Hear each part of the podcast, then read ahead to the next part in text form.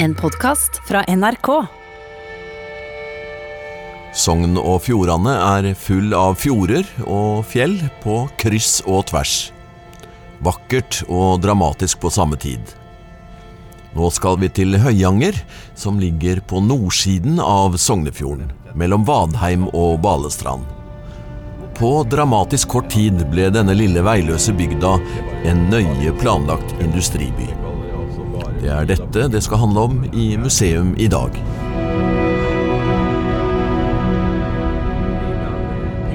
Altså Høyanger, det var jo nest, det var bare et par gårder der før 1917. Men det er jo høye fjell her, og det renner jo vann hele tida. Det regner jo godt i Sogn og Fjordane stort sett, så det var masse, masse vasskraft som så her gründerne selvfølgelig kasta seg over. Ja, nå er vi åtte kilometer igjen, og nå, nå ser vi inn i det jeg vil kalle i det mørke dyp av, av en fjord. Og uh, kan ikke forestille meg at det er et samfunn uh, rundt hjørnet der, men det skal vi jo få se. Flott bro. Den nye veien som kom når det kom vei til Høyanger, det var jo bygd her, utbygd lenge før veien kom. Ah, det er byporten, ja. Ja, så nå kjører vi gjennom byporten, og da ser vi kirka Ah. rett fram. Som en akse. Ja, viktig akse. Så lå eh, samfunnshuset på høyre side her. Hva sa du nå? Du skal stoppe med rådhuset? Ja, rådhuset, ja. Jeg bare lurer på hvor, hvor høye er disse fjella her? Det der. 800-900 meter. 800-900 meter? Ja, ja. Ja. Hva heter det? Nei, det er Gråberget. Gråberget, ja.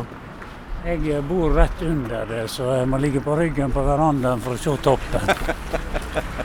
Kjartan Longva har hatt 16 år i ordførerstolen i Høyanger. Historiker og tidligere høyskolelektor Jan Anders Timbeli har skrevet Høyangers historie, vatnet, verket og byen. Og Kolbjørn Nesje Nybø er amanuensis ved Arkitekthøgskolen i Oslo, hvor han bl.a. foreleser i arkitekturhistorie. I boka Husa våre, en gigantisk bok om arkitekturhistorien i Sogn og Fjordane, utgitt på Selja forlag nylig, har Nesje Nybø viet god plass til Høyanger. Nå er vi jo Vi står jo på kaia, vi nå. Og ser du her er det en flott statue midt på kaia. Og eh, flott symmetri, og alt er planlagt. Til venstre er det porten til verket, og til høyre, der bor alle disse sjefene. Og i enden av den gata, der var liksom messa for folk. Ja. Og når vi står her, så sprer gatene seg ut i et sånn viftesystem. Og, men det stemmer liksom ikke helt. For det er typisk for den tida at de har et grunnsystem som er veldig klassisistisk, men de bøyer og bender litt på det, sånn at det blir litt sånn som vi kaller det organisk. Litt sånn spennende. Ja. Ja. Hvis den går litt utafor ramma, så, Ja, så, så, så blir det spenning. Ja, ja, du kan si kirka. Å, den skulle Ja. ligge der, men den har de lagt litt Ja. til sides. Ja, så kommer dere med første godværsdagen vi har hatt på månedsvis, så ja. Ja, og står og ser hvor, eh, hvor eh, både vakkert været er, men også hvor vakkert dette området her er. Ja, Til å det- være midt i et stort industriområde. Nei, det er stelt godt til her, vet du. For dette var jo den tida så var jo dette hovedplassen. Det var jo båtruta til Bergen. Den gikk jo herfra, da, fra kaia. Det var jo der alle stilte opp på ettermiddagen så når båten gikk. Og hvem som skulle til byen. Men det var før min tid. Var det bevisst tankegang fra, fra planleggerne at, at eh, industrien på en måte skulle mm, forsvinne litt i, i, i byterrenget, for å si det sånn? Ja, det var en mur rundt industriområdet, det var viktig. Porten inn, som du ser her. Det, men den er jo staselig og klassisistisk og skikkelig påkosta. Det er ikke bare en sånn gittergreie som de Nei. slenger opp i dag. Nei. Nei, porten her er jo ikke i bruk lenger, men eh, For nå er jo porten inngangen oppe på Leira, på innkjøring. Men de har jo tatt vare på det, både klokka og sånn som det var. Så har vært ganske flinke med det. Byhistoriker eh, Jan Anders Timberli Timbeli tar det hele fra begynnelsen for oss. Det er kaia. Kommunekaia. er ikke det? kommunekaia. Det er vel offentlig kaia. Og her er det en, eh, en byste. Det er eh, Sigurd eh, Klaumann. Yes. Mm. Ja, og det her statuen ble reist i 1929, når han var 50 år. Og eh, det var 3000 personer her under avdekkingen av den, avdukingen av, av statuen. Og det er nesten hele Høyangs befolkning. Ja. Så selv om han eh, kan, til side var en eh, kontroversiell person, så, så er han eh, den aller viktigste personen når du snakker om etableringen av Høyanger eh, som tettsted. Ja, Hvis vi skal gå litt tilbake, hva var det her eh, egentlig før eh, det eventyret starta? Nei, det var ingenting. Det var fem gardsbruk, 120 personer her i, i 1915. Og så altså, blir det da bestemt at det skal etableres kraftutbygging og en, bygges en eh, industri her. Fordi at det som var eh, problemet den gangen, eller fordelen for, for sånne plasser som Høyanger, var at kraften kunne ikke føres ut av Nei. Det, og, Det måtte det, gjøres noe ja, med den her. ja. Hadde det vært i dag, så hadde alt havna i Bergen eller i, eller i Oslo. Ja. Men den gangen så uh, måtte de bruke uh, Det gjaldt både Sauda, Odda, Rjukan, alle industriplassene. Så her måtte de bygge altså en, en, en industri. Så ble det etablert av et selskap der eh, Sigurd Klaumann er arkitekten bak det, som heter Norsk Aluminiumskompani. I samarbeid med norske AS Høyangfallene, som var kraftselskapet. Ja. Og så begynte de altså sommeren 1916 å, å bygge her i eh, På veldig kort tid så klarte de altså å etablere altså en kraftstasjoner, og de bygde altså fabrikk. Ja. Og det var et eh, yrende liv her. 2000 personer kanskje kom inn i løpet av sommeren 16-17. ja, Hvor kom de fra? De kom fra hele landet, og det var en god del eh, folk som hadde vært på anlegg før. Som hadde, der ting var ferdig, så kom de hit, her, så- såkalte rallere. Men det var òg folk fra nabobygdene nabobygden her. slik at dette her var en, en gyllen mulighet til å få seg arbeid. Eh, fordi at eh, jordbruket var, det var eh, ja, begge deler. Det var ikke alltid nok å gjøre der. Nei. Så her, her fikk de altså først som anleggsarbeidere, men etter hvert som, også som industriarbeidere. Ja, Ja, for Klaumann hadde en, en, en visjon han, å, å, å, bygge en industriby. Og han, det hadde han tenkt litt nøye gjennom. Det gikk liksom ikke vilkårlig. Nei, dette her, dette her hadde, han var veldig klar på at det her skulle bli en vakker plass. Så, da sa han flere ganger at dette her skulle bli en plass der folk kunne trives. Og uh, ikke bare at eh, folk skulle uh, finne seg at det var OK å bo, men det skulle òg hindre at folk ble misfornøyde, kunne finne på all slags uh, revolusjonsgreier og alt. Og, så, så her var det tilsatt arkitekter. Det var tilsatt eh, ingeniører som skulle jobbe med dette og frambringe en, en, eh, en moderne industriplass, der folk òg skulle eh, bo godt. Men problemet var altså boligmangel. Altså, du fikk altså en svær mengde med folk inn her. Og da ble det en kjempeutfordring for, for, for bedriften. For det var bedriften som på en måte drev alt som var av boligbygging, sto for infrastruktur, for kommunen hadde ikke kapasitet eller ressurser til det. Så dette her ble Norsk Aluminiumskompani som på en måte ble den som styrte alt her i, i, i, i begynnelsen, og, og gjorde det faktisk helt fram til våre dager. Hvis jeg skal sitere da fra eh, eh, Morgenbladet i, eh, i 1939 Eh, Det er en plan over det som er utrettet i Høyanger. Gatene er perfekte, men aldri kjedelige. Rekkehusbebyggelse. Et sted avløses av en gruppe villaer anbrakt av et lite havanlegg med rislende springvann. Det er en fabelaktig by, skriver da Morgenbladet i 1939. Og, og Arbeiderbladet har samme året en omtale av Høyanger som det er vel den yngste av våre industristeder, men uten sammenlikning den vakreste. Ja. Så, så, så, ja, så har han en Foder's Guide to uh, uh, Scandinavia, som da snakker om uh, fra 1966 snakker om Høyanger som den best planlagde og vakreste industriplassen i, i verden, faktisk. Så det er noe voldsomt i det. I all verden. Ja. Så det de Ja, det er flott. Da legger vi ut på en vandring.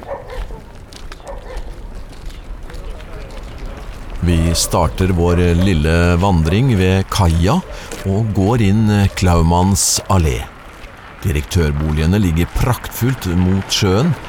Innenfor kommer funksjonærboligene, og så skal vi om litt opp til prosjektet Egne hjem. Hvis en er i Høyanger, er det ikke så vanskelig å se at her har det vært en gjennomtenkt plan. Men hvor vanlig har det vært? Det er jo ikke vanlig overhodet, egentlig. I, I, dag er det jo ikke tema engang, for å si det sånn. Men på, på den tida her så var det veldig Det var en, en idealisme som lå der som eh, En hadde sett at industribyene i, i, England og sånn, der hadde arbeiderne det dårlig. Her ønsket en å gjøre det ordentlig fra starten. Veldig djerv tankegang, egentlig. Gi arbeiderne gode boliger, og de gjør en god jobb. Og det er jo ja, Her får arbeiderne egne boliger. Og flotte boliger med, som, er til, som er liksom arkitektur. Altså som Det er liksom geometri og symmetri og alt mulig her. Det ligger her. Og det er fantastisk. vet du. Gode hus. Her var jo toalett lenge før resten av fylket f.eks. Og vannklosett. Altså. Helt spesielt. Si noe om disse direktørboligene eh, i, i, mur som vi har nettopp eh, passert nå. Ja, det er jo, det er jo klassiske anlegg med symmetri og sidefløyer og hager og akser og flotte beplantninger, plener. Det er helt fantastisk, vet du. Og nå står vi jo rett utenfor hoved, det viktigste og fineste huset, virkelig, da, med flott utsikt utover fjorden og sånn. Og eh, et av de tingene som òg er veldig viktig i, eh, i Høyanger, det er hager. Og, og det var jo arkitektene Morgenstjerne og Eide som kom hit og fikk i oppdrag å lage denne byplanen. Etter de prinsippene som folk var eh, opptatt av på den tida. De var ikke var, hvem som helst? Nei, de var kjente arkitekter. og det de ble jo hanka inn både her og, på, og, og andre plasser i denne perioden da en bygde sånne industribyer. For det er et eget tema. Og da var Hagebyen et viktig tema. Og der var det kjente teoretikere i utlandet som Camillo Sitte, Ebenezer Howard og sånn, som snakket om hagebyen. Det å få det grønne inn i, i byen, og arbeiderbyen ikke minst. Det var sunt og godt. Og uten sunne arbeidere så går det jo dårlig. Ja. Og, og, her har vi hager rundt eh, direktørboligene og messen og alt mulig. Men det finner det hele veien. I hele byen. Det er hager. Alle skal ha en liten hageflekk og sitt eget hus. Du som uh, kjenner folket her ja. gjennom uh, flere ordførerperioder, hvilken bevissthet og eventuelt stolthet er det over, uh, over byen? Nei, det er, Folk er, følger veldig nøye med på hva du gjør, og at du ikke bryter med det meste. Når du ser disse der så folk har til ved og sykler og ski, og det var en voldsom diskusjon. Hvorvidt dette var tilpassa, og hva vi skulle ha ja. der. Om vi ikke måtte ha noe med tak på. Så bevisstheten er så sterk, altså? Og du vet, den som har vokst opp i Høyanger, glemmer ikke. Jeg traff dem jo i studietida mi i Bergen. De hadde jo eget fotballag som het Aluminiumsproletarene. Hvordan eh, eh, har det politiske bildet vært her i byen da? Eller jeg sier by, eh, det er jo en industriby. Vi har alltid vært Arbeiderparti-ordfører, men vi er ikke Årdal med rent flertall. Jeg var ordfører i 16 år, og jeg hadde rent flertall en periode. Og det er jo veldig ubehagelig, for da må du jo, da må du jo gjennomføre det du har lovt. Ja. vi har alltid vært avhengig av SV eller andre på venstresida. Ja. Med ei og to stemmer som regel. Ja. Men det var kanskje naturlig at det var sånn, for det er flest arbeidere? Ja da. Ja, da. Nei da, det er klart at det har jo vært en maktfaktor her alltid. Det er fagforeningene og, og det. Nå går vi opp, jeg vet ikke hva den gata her heter? Dette heter Knivstikken, Ja. Av en eller annen grunn.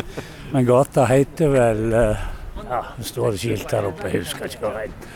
Nei, vi kommer dit. Men det var sannsynligvis en eller annen hending som skjedde. For ja. Men for, for en, en, som kommer utenfra, så er det virkelig tydelig å se at det her har det vært eh, en plan. Ja, det har det helt klart. Og, og, og, det er vakkert å se på? Ja, det er klart. at Det er jo gamle tradisjoner. Og, og det er vel derfor det er så vanskelig at folk våkner hvis du prøver å endre på noe òg. Ja. Så skal det være stil på det. Så du Johan Myhrers gate ja. het gata. Jeg vet ikke hvem han var, men Sannsynligvis en eller annen direktør eller ingeniør. Byporten i Høyanger er et varemerke, og området rundt bærer mye symbolikk med seg. Arkitekten Kolbjørn Nesje Nybø ser det kanskje tydeligere enn oss eh, andre. Nå står vi jo med Byporten, og den, eh, den ble jo bygd rundt 1930 da vei, det kom vei til Høyanger. Før var jo porten til Høyanger kaia, der bysten av eh, Sigurd Klaumann står midt i aksen og sånn. Staselig å komme hit. Ja, ja. ja, Men det ble jo ganske staselig når de fikk den byporten òg, da. Så den er jo Den er ganske Den består av et hus på hver side av gata en liten portal for hvert fortau som skal For folk kommer jo på fortauet, og så en stor portal i midten der bilene kjører. Og oppå der så er det et lite tårn med et svart sånn metallgitter. Men det er ikke helt svart. Det er liksom noen sånne små blomster, eller kanskje det er ja. ild som ja. er der, som ja. blenker i solen. Staselig og flott. Og på hver side av veien så er det to, to spesielle ting. På ene sida så er det en, en nesten rund musikkpaviljong. Klassisistisk laga, med fint ja, ja, på toppen.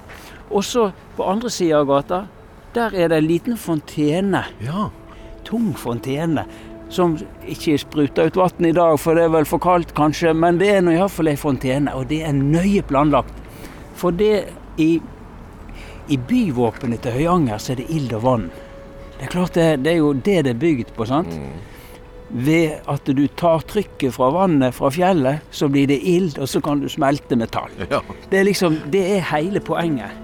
Og vet du hva? Den musikkpaviljongen, den er formet akkurat som et Vestatempel. Ja. Og i Roma så passer, er det Vestalinne som passer på ilden i Vestatempelet. Uten ilden så dør Roma. Og den der eh, fontena der, den er utforma som en sarkofag. Ja, det ser jeg jo. Ja, og den tar jo vare på, på ja, vannet her. Ja. Ellers tar det jo vare ja. på konger og keiserlige som ligger begravd inni der. Ja, men det var jo flott, det du forteller nå. Er ikke det staselig? Jo. Eh, var det også i planen? Det kom på rundt 1930, og jeg har sagt til han at nå må han begynne å grave i arkivet og se hvem i all verden som har tenkt, tenkt dette. Ja, ja. For det er en stor, flott tanke. Gå videre med den. Ja, ja, da har du noe å gjøre. Men vi må gå bort. Nå står vi jo i skyggen. Det er jo litt surt i, i vinden, men uh... Men uh, vi må haste videre. Fra byporten er det ikke lange veien til det som kalles egne hjem. Vi ser rekker av vakre små hus opp gjennom en gate med en liten hageflekk til hver. Slik aluminiumsverkets gründer Sigurd Klaumann så for seg da han praktisk talt skapte dette stedet.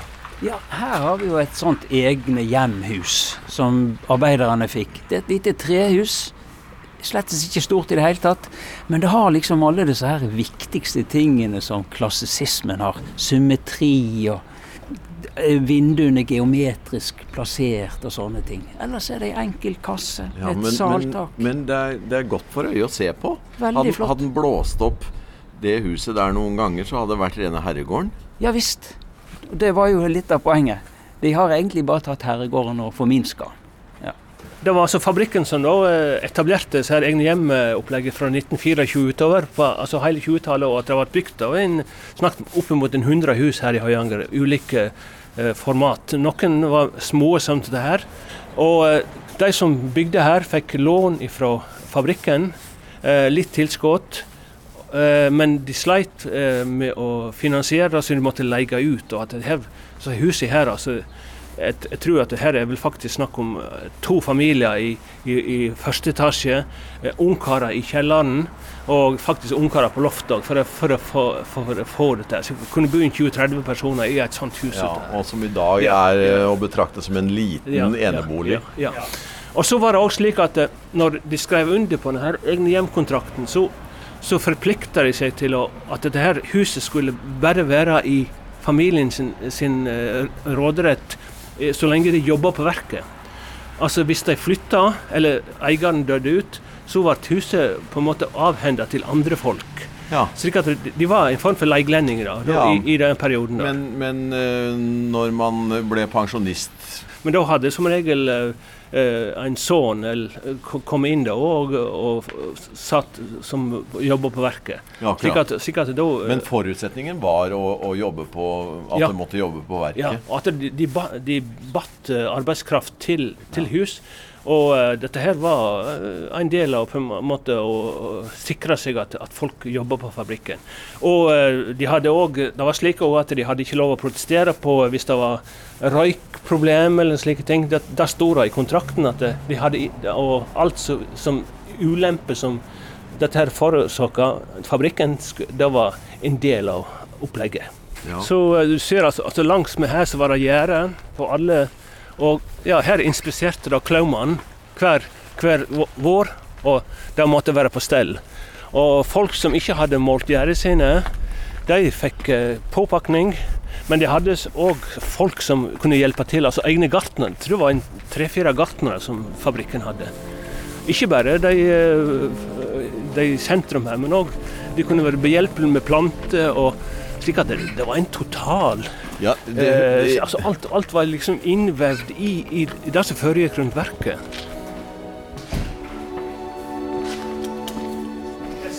Se her, ja. Altså, det er altså Valhall. Høyanger ungdomslag sitt forsamlingshus åpna i februar i 1923. Eh, og eh, Da hadde det altså vært industri her i seks år. Folkets hus var bygd i 1917. slik at eh, Da var det snakk om å på en måte å demme opp i forhold til den arbeiderkulturen. Da måtte de, altså, de ta vare på eh, den opprinnelige kulturen, bondekulturen her i Høyanger. Eh, og så eh, klarte de å skrape sammen og bygge et hus her da i, i 23. Og på dette huset her så var det òg eh, funksjonærene som gikk. For funksjonærene kunne ikke gå på Folkets hus i lag med arbeiderne, så her fant de sine åndsfrender på Valhall. Og Det kunne til tider være problematisk, fordi at funksjonærene de, de var stive riksmålsfolk. Og så hadde du da de her i bygda som, som, var landsmål, eller nynorskfolk.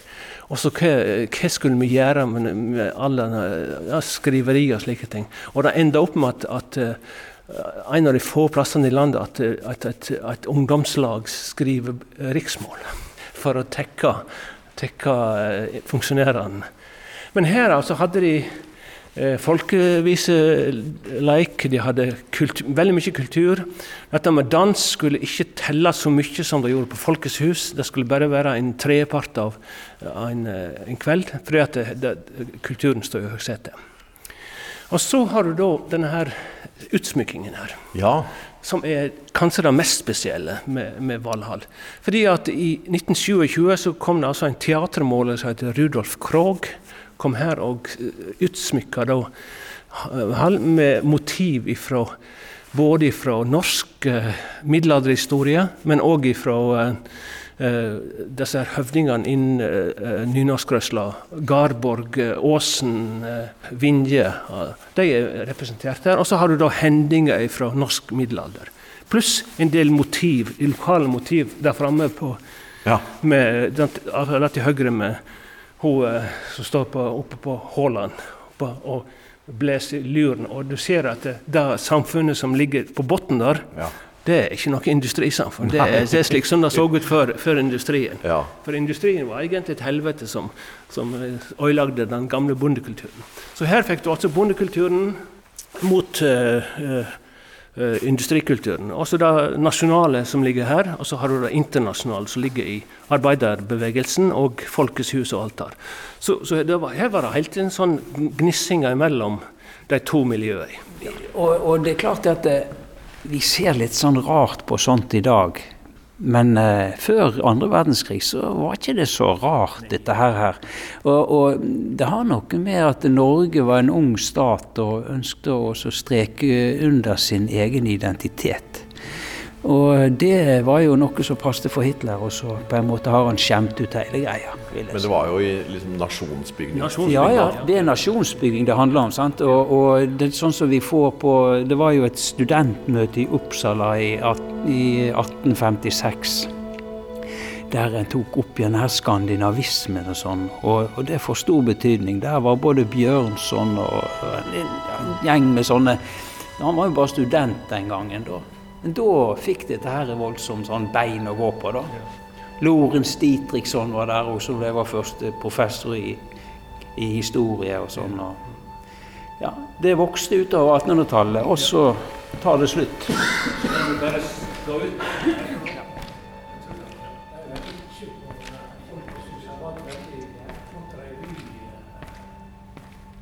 Du har hørt en podkast fra NRK.